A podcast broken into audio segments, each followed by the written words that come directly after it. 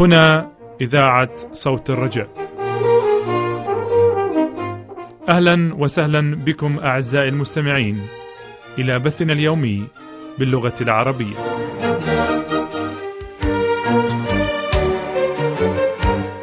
دراسات كتابية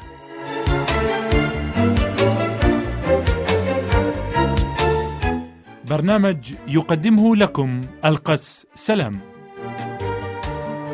أعزائي المستمعين تحية خير وسلام.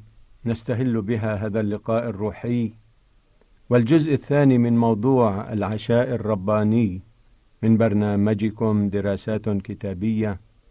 تكلمنا عن الاستعدادات التي تمت لعقد هذا العشاء حيث سن السيد المسيح فريضة العشاء الرباني لتكون ذكرى تضحيته العظيمة وموته وقيامته. إلى أن يأتي ثانية. أهلا بكم معنا مع أغلى الأماني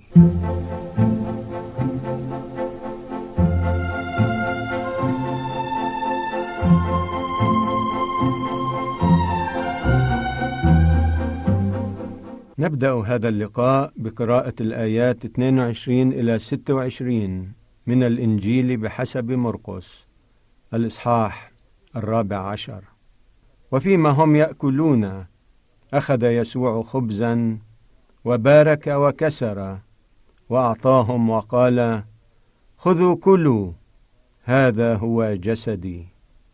ثم أخذ الكأس وشكر وأعطاهم فشربوا منها كلهم. وقال لهم هذا هو دم الذي للعهد الجديد الذي يسفك من أجل كثيرين.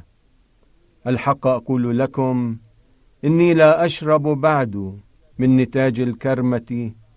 إلى ذلك اليوم حينما أشربه جديدا في ملكوت الله. ثم سبحوا وخرجوا إلى جبل الزيتون. إن المسيح إذ اشترك مع تلاميذه في التناول من الخبز والخمر أخذ على نفسه العهد بأن يكون فاديا لهم. وقد سلمهم العهد الجديد الذي بموجبه كل من يقبلونه يصيرون أولادا لله ووارثين مع المسيح. وبموجب هذا العهد تمنح لهم كل البركة يمكن أن تمنحها السماء في هذه الحياة والحياة العتيدة.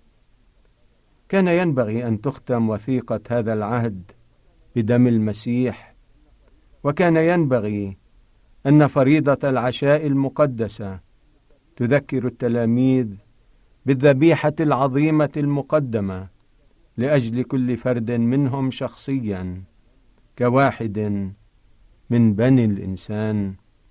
ولكن لم يكن المقصود من خدمة الشركة هذه أن تكون فرصة للحزن فلم يكن هذا هو المقصود بها.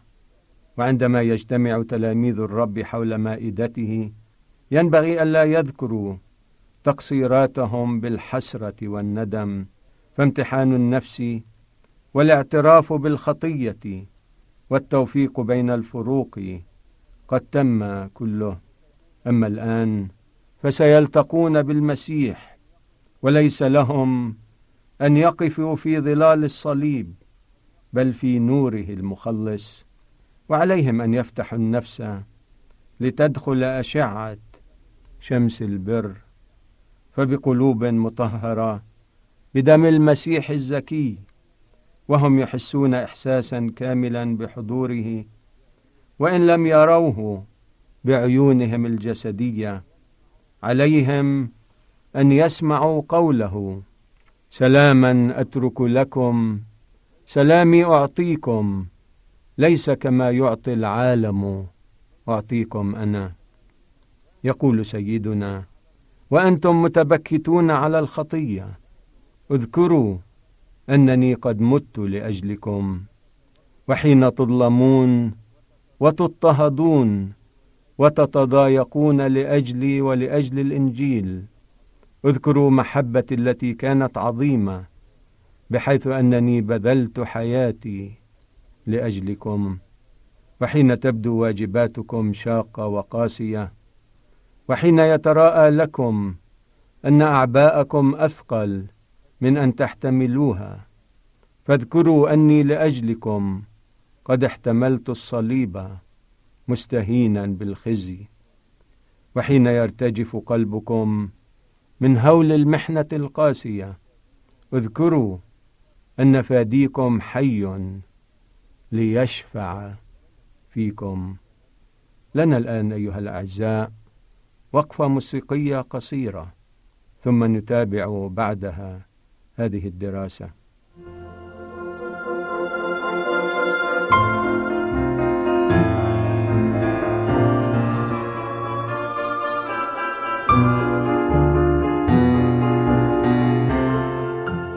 إن خدمة العشاء تشير إلى مجيء المسيح ثانية ولكن القصد منها أن تحفظ هذا الرجاء حيا في عقول التلاميذ.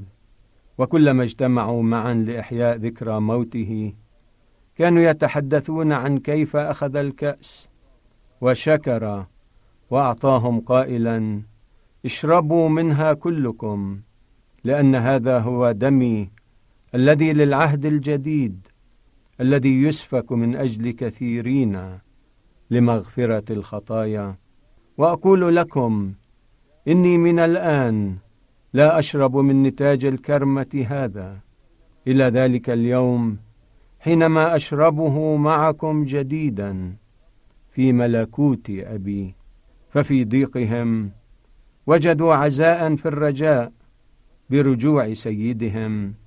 وإذ كانوا يفكرون في هذا القول كلما أكلتم هذا الخبز وشربتم هذه الكأس تخبرون بموت الرب إلى أن يجيء. كان هذا الفكر ثمينا إلى درجة لا يمكن التعبير عنها. ولقد رسم المسيح هذه الخدمة حتى تتحدث إلى حواسنا عن محبة الله التي قد أظهرت لأجلنا. لا يمكن أن يكون هنالك اتحاد بين نفوسنا والله إلا عن طريق المسيح. إن الاتحاد والمحبة الكائنين بين الأخ وأخيه ينبغي أن يزيد ثباتا ويدوما إلى الأبد بواسطة محبة يسوع. ولا شيء أقل من موت المسيح. أمكن أن يجعل محبته فعالة لأجلنا. إننا بسبب موته دون سواه. يمكننا أن ننتظر مجيئه الثاني بفرح. إن ذبيحته هي مركز رجائنا. فعلينا أن نثبت إيماننا في هذا. إن الفرائض التي تشير إلى اتضاع سيدنا وآلامه كثيرا ما تمارس شكليا. ولكنها قد وضعت لغرض معين فحواسنا بحاجة إلى الإحياء والإنعاش لتتمسك بسر التقوى. إننا مدينون لموت المسيح حتى بحياتنا الأرضية فالخبز الذي نأكله هو مشترى بجسد المسيح المكسور والماء الذي نشربه مشترى بدمه المسفوك كل هذا علمه السيد المسيح حين عين رموز ذبيحته العظيمة. إن النور الذي يشع من خدمة الاشتراك في العلية يضفي قدسية على مؤونتنا التي نتناولها كل يوم. فمائدة العائلة تصير مائدة الرب وكل وجبة طعام تصير عشاء الرب. فكم بالحري تصدق أقوال المسيح بالأكثر على طبيعتنا الروحية. إن الخدمة تنطوي على رابطه حية بواسطتها يتحد المؤمن بالمسيح وبذلك يرتبط بالآب وهي بمعنى خاص توجد رابطة بين الخلائق البشرية الضعيفة والله. ونحن إذ نتناول من الخبز والخمر اللذين يرمزان إلى جسد المسيح المكسور ودمه المسفوك. فإننا بالفكر والتصور ننضم إلى مشهد العشاء في العلية.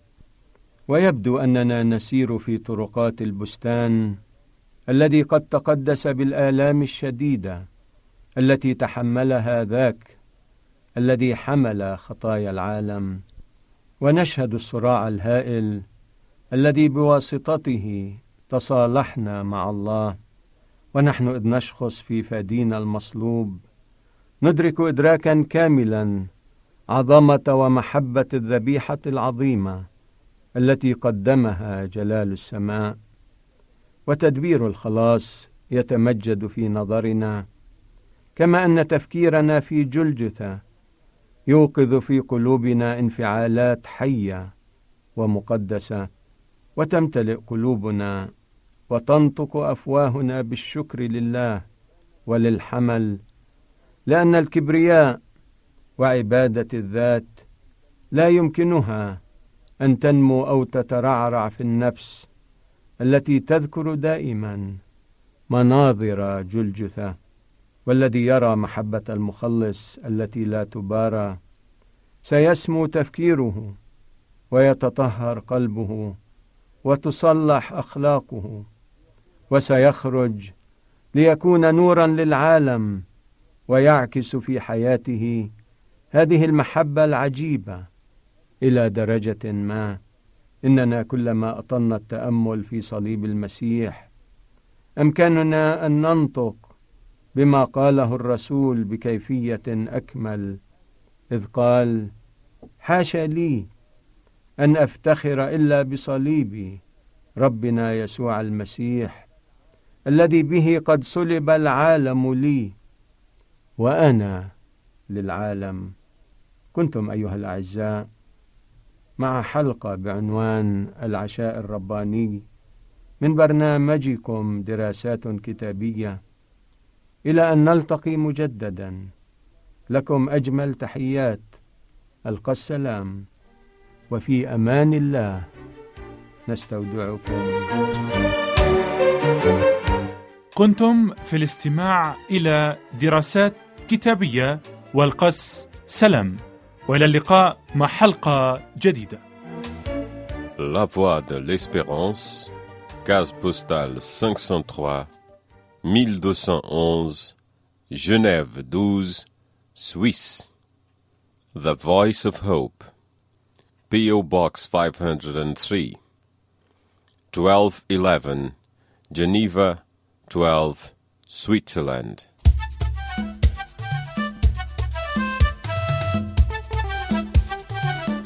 الحياة الأسرية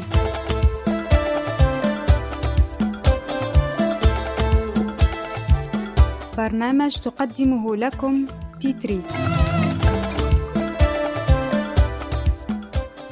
سعداء بلقائكم مستمعينا مستمعاتنا ونرحب بكل من انضم إلى إذاعتنا الآن للاستماع لبرامجنا.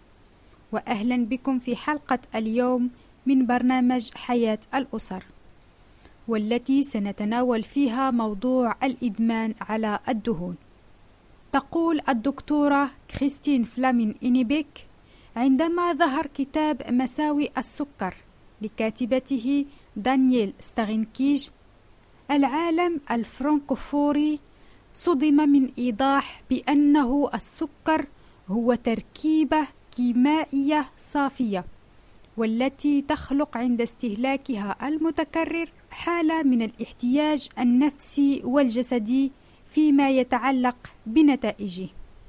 الحاجة إلى السكر والتي طويلا ما تم نفيها أصبحت حقيقة لا يمكن تجاهلها.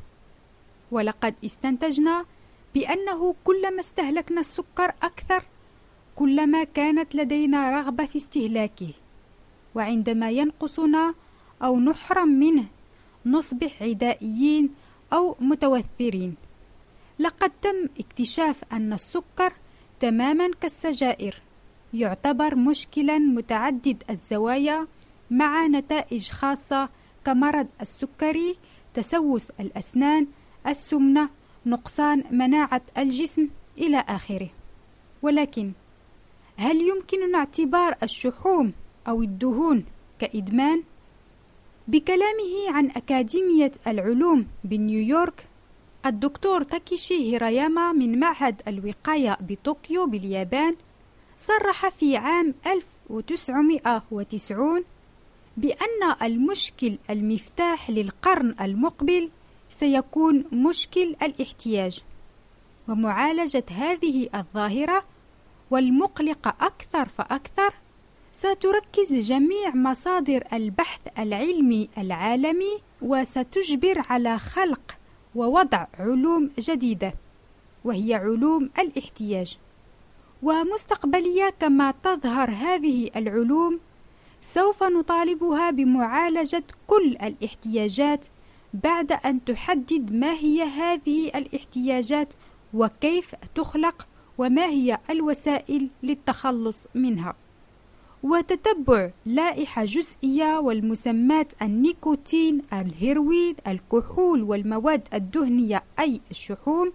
إذا كان العالم يسمع ويجيب على نداء هذا العالم ستكون ربما إذا كان كل شيء على ما يرام بحوزتنا بعض الأجوبة في عام 2050 أو 2080 وإلى ذلك الوقت.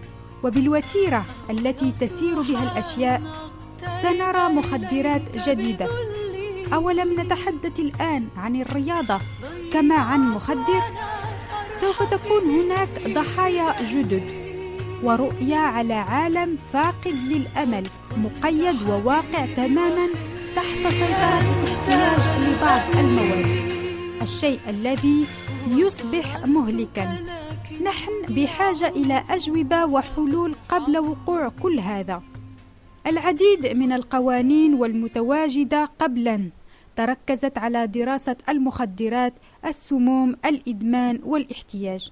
ملاحظتها واستنتاجاتها أي هذه القوانين متعددة وبكل تأكيد دائما ضرورية. لقد تم تحديد المخدرات كمادة طبيعية أو مركزة أي مركبة والمستعملة لأغراض غير طبية والتي تغير بفعلها المتكرر على الدماغ وعي وتصرف أي شخص يبحث على الاعتماد عليها لكي يحصل على الراحة أو يهرب بعيدا عن ذاته ومشاكله الخاصة. المخدرات بطبيعة الحال تساعد على النسيان، وذلك بخلقها قسمين كبيرين من الأحاسيس، الثمالة أو السفر. هكذا نهرب من ملل الحياة ترفض أن تحقق معنى، ولكن بالمقابل نغرق ونسرع إلى المرض النفسي والجسدي واستنادا إلى الدكتور جانغ والذي ندين له بمعرفة الوعي العام وعذاب ألم الروح التي لم تجد معنى لها والتي تبحث عنه في الظلمات.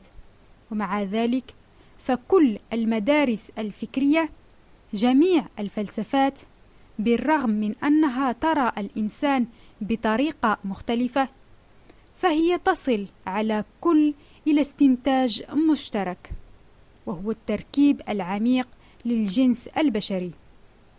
كيفما كان وأينما تواجد وهو أن يحب وأن يحب.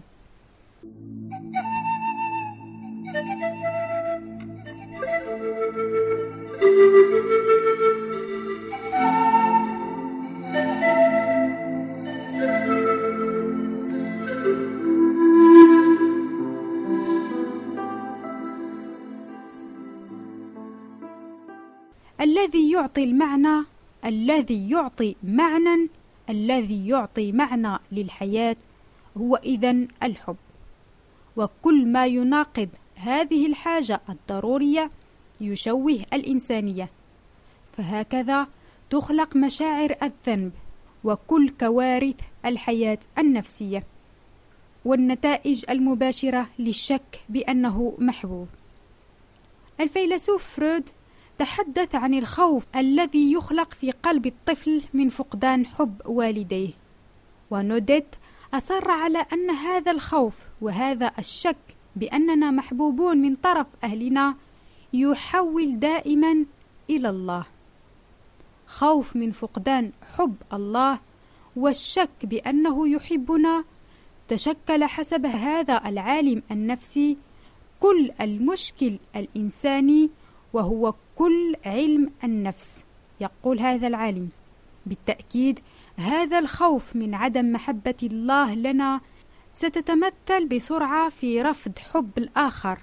الشيء الذي سيسبب تدريجيا الفقدان الكارثي لمعنى الحياة.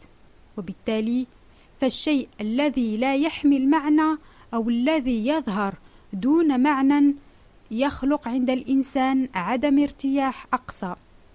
أن نكون إنسان هو أن تكون لدينا إرادة المعنى إرادة أن نعطي لحياتنا أكبر قدر ممكن من المعنى.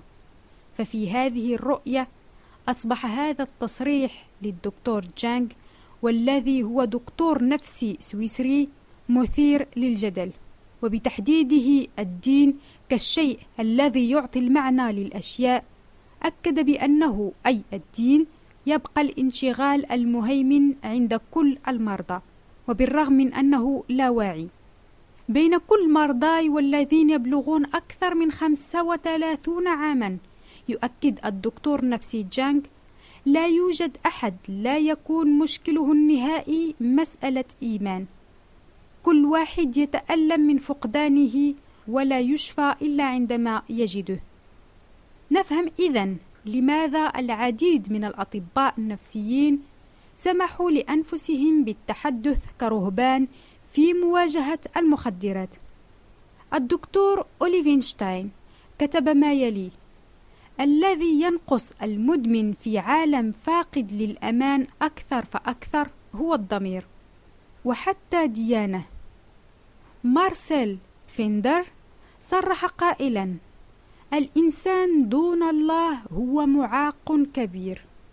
كلود بيغناغ أكده أيضا وقال نحن بحاجة إلى الإيمان كما نحن بحاجة إلى الأكل.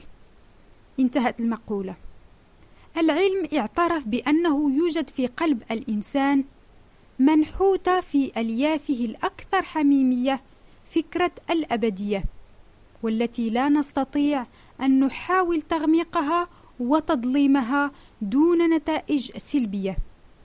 وبتجاهل احتياجاته النفسية الإنسان لن يعود بمقدوره أن يفرق بين الصالح والطالح الجيد والسيء. وبالتالي يعيش بطريقة آلية انفصال بين الروح والقلب بين المشاعر والذكاء فقدان للأحاسيس الإنسانية. وفي هذه الحالة من الجنون تصبح كل المخدرات والعقاقير كمخدر.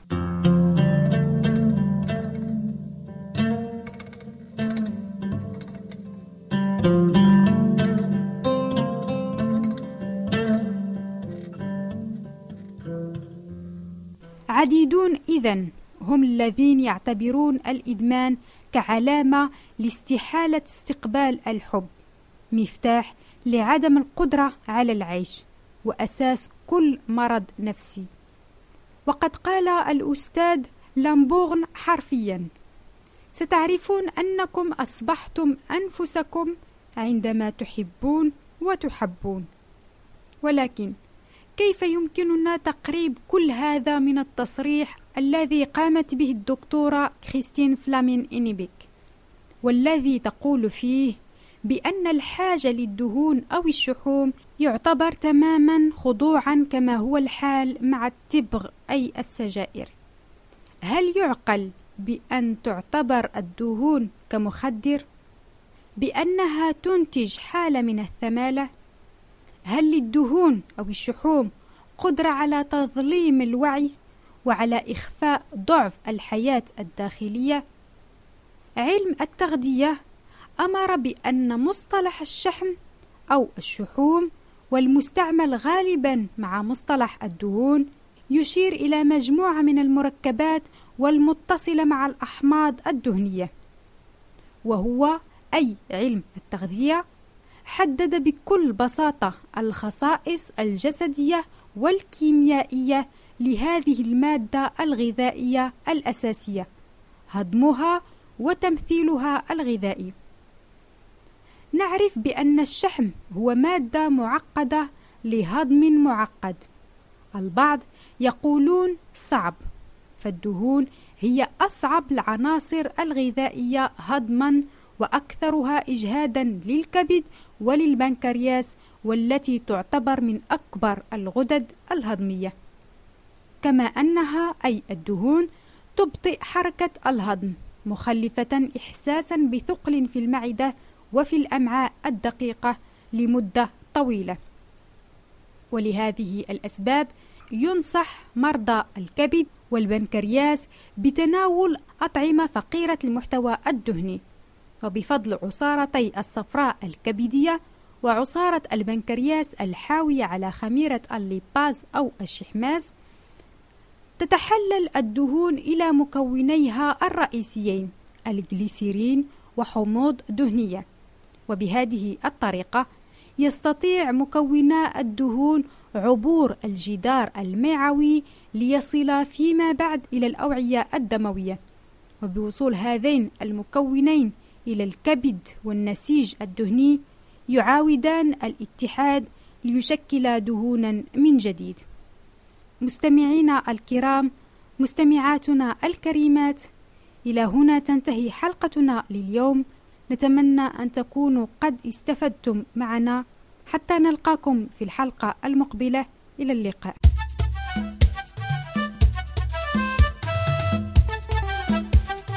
الحياة الأسرية.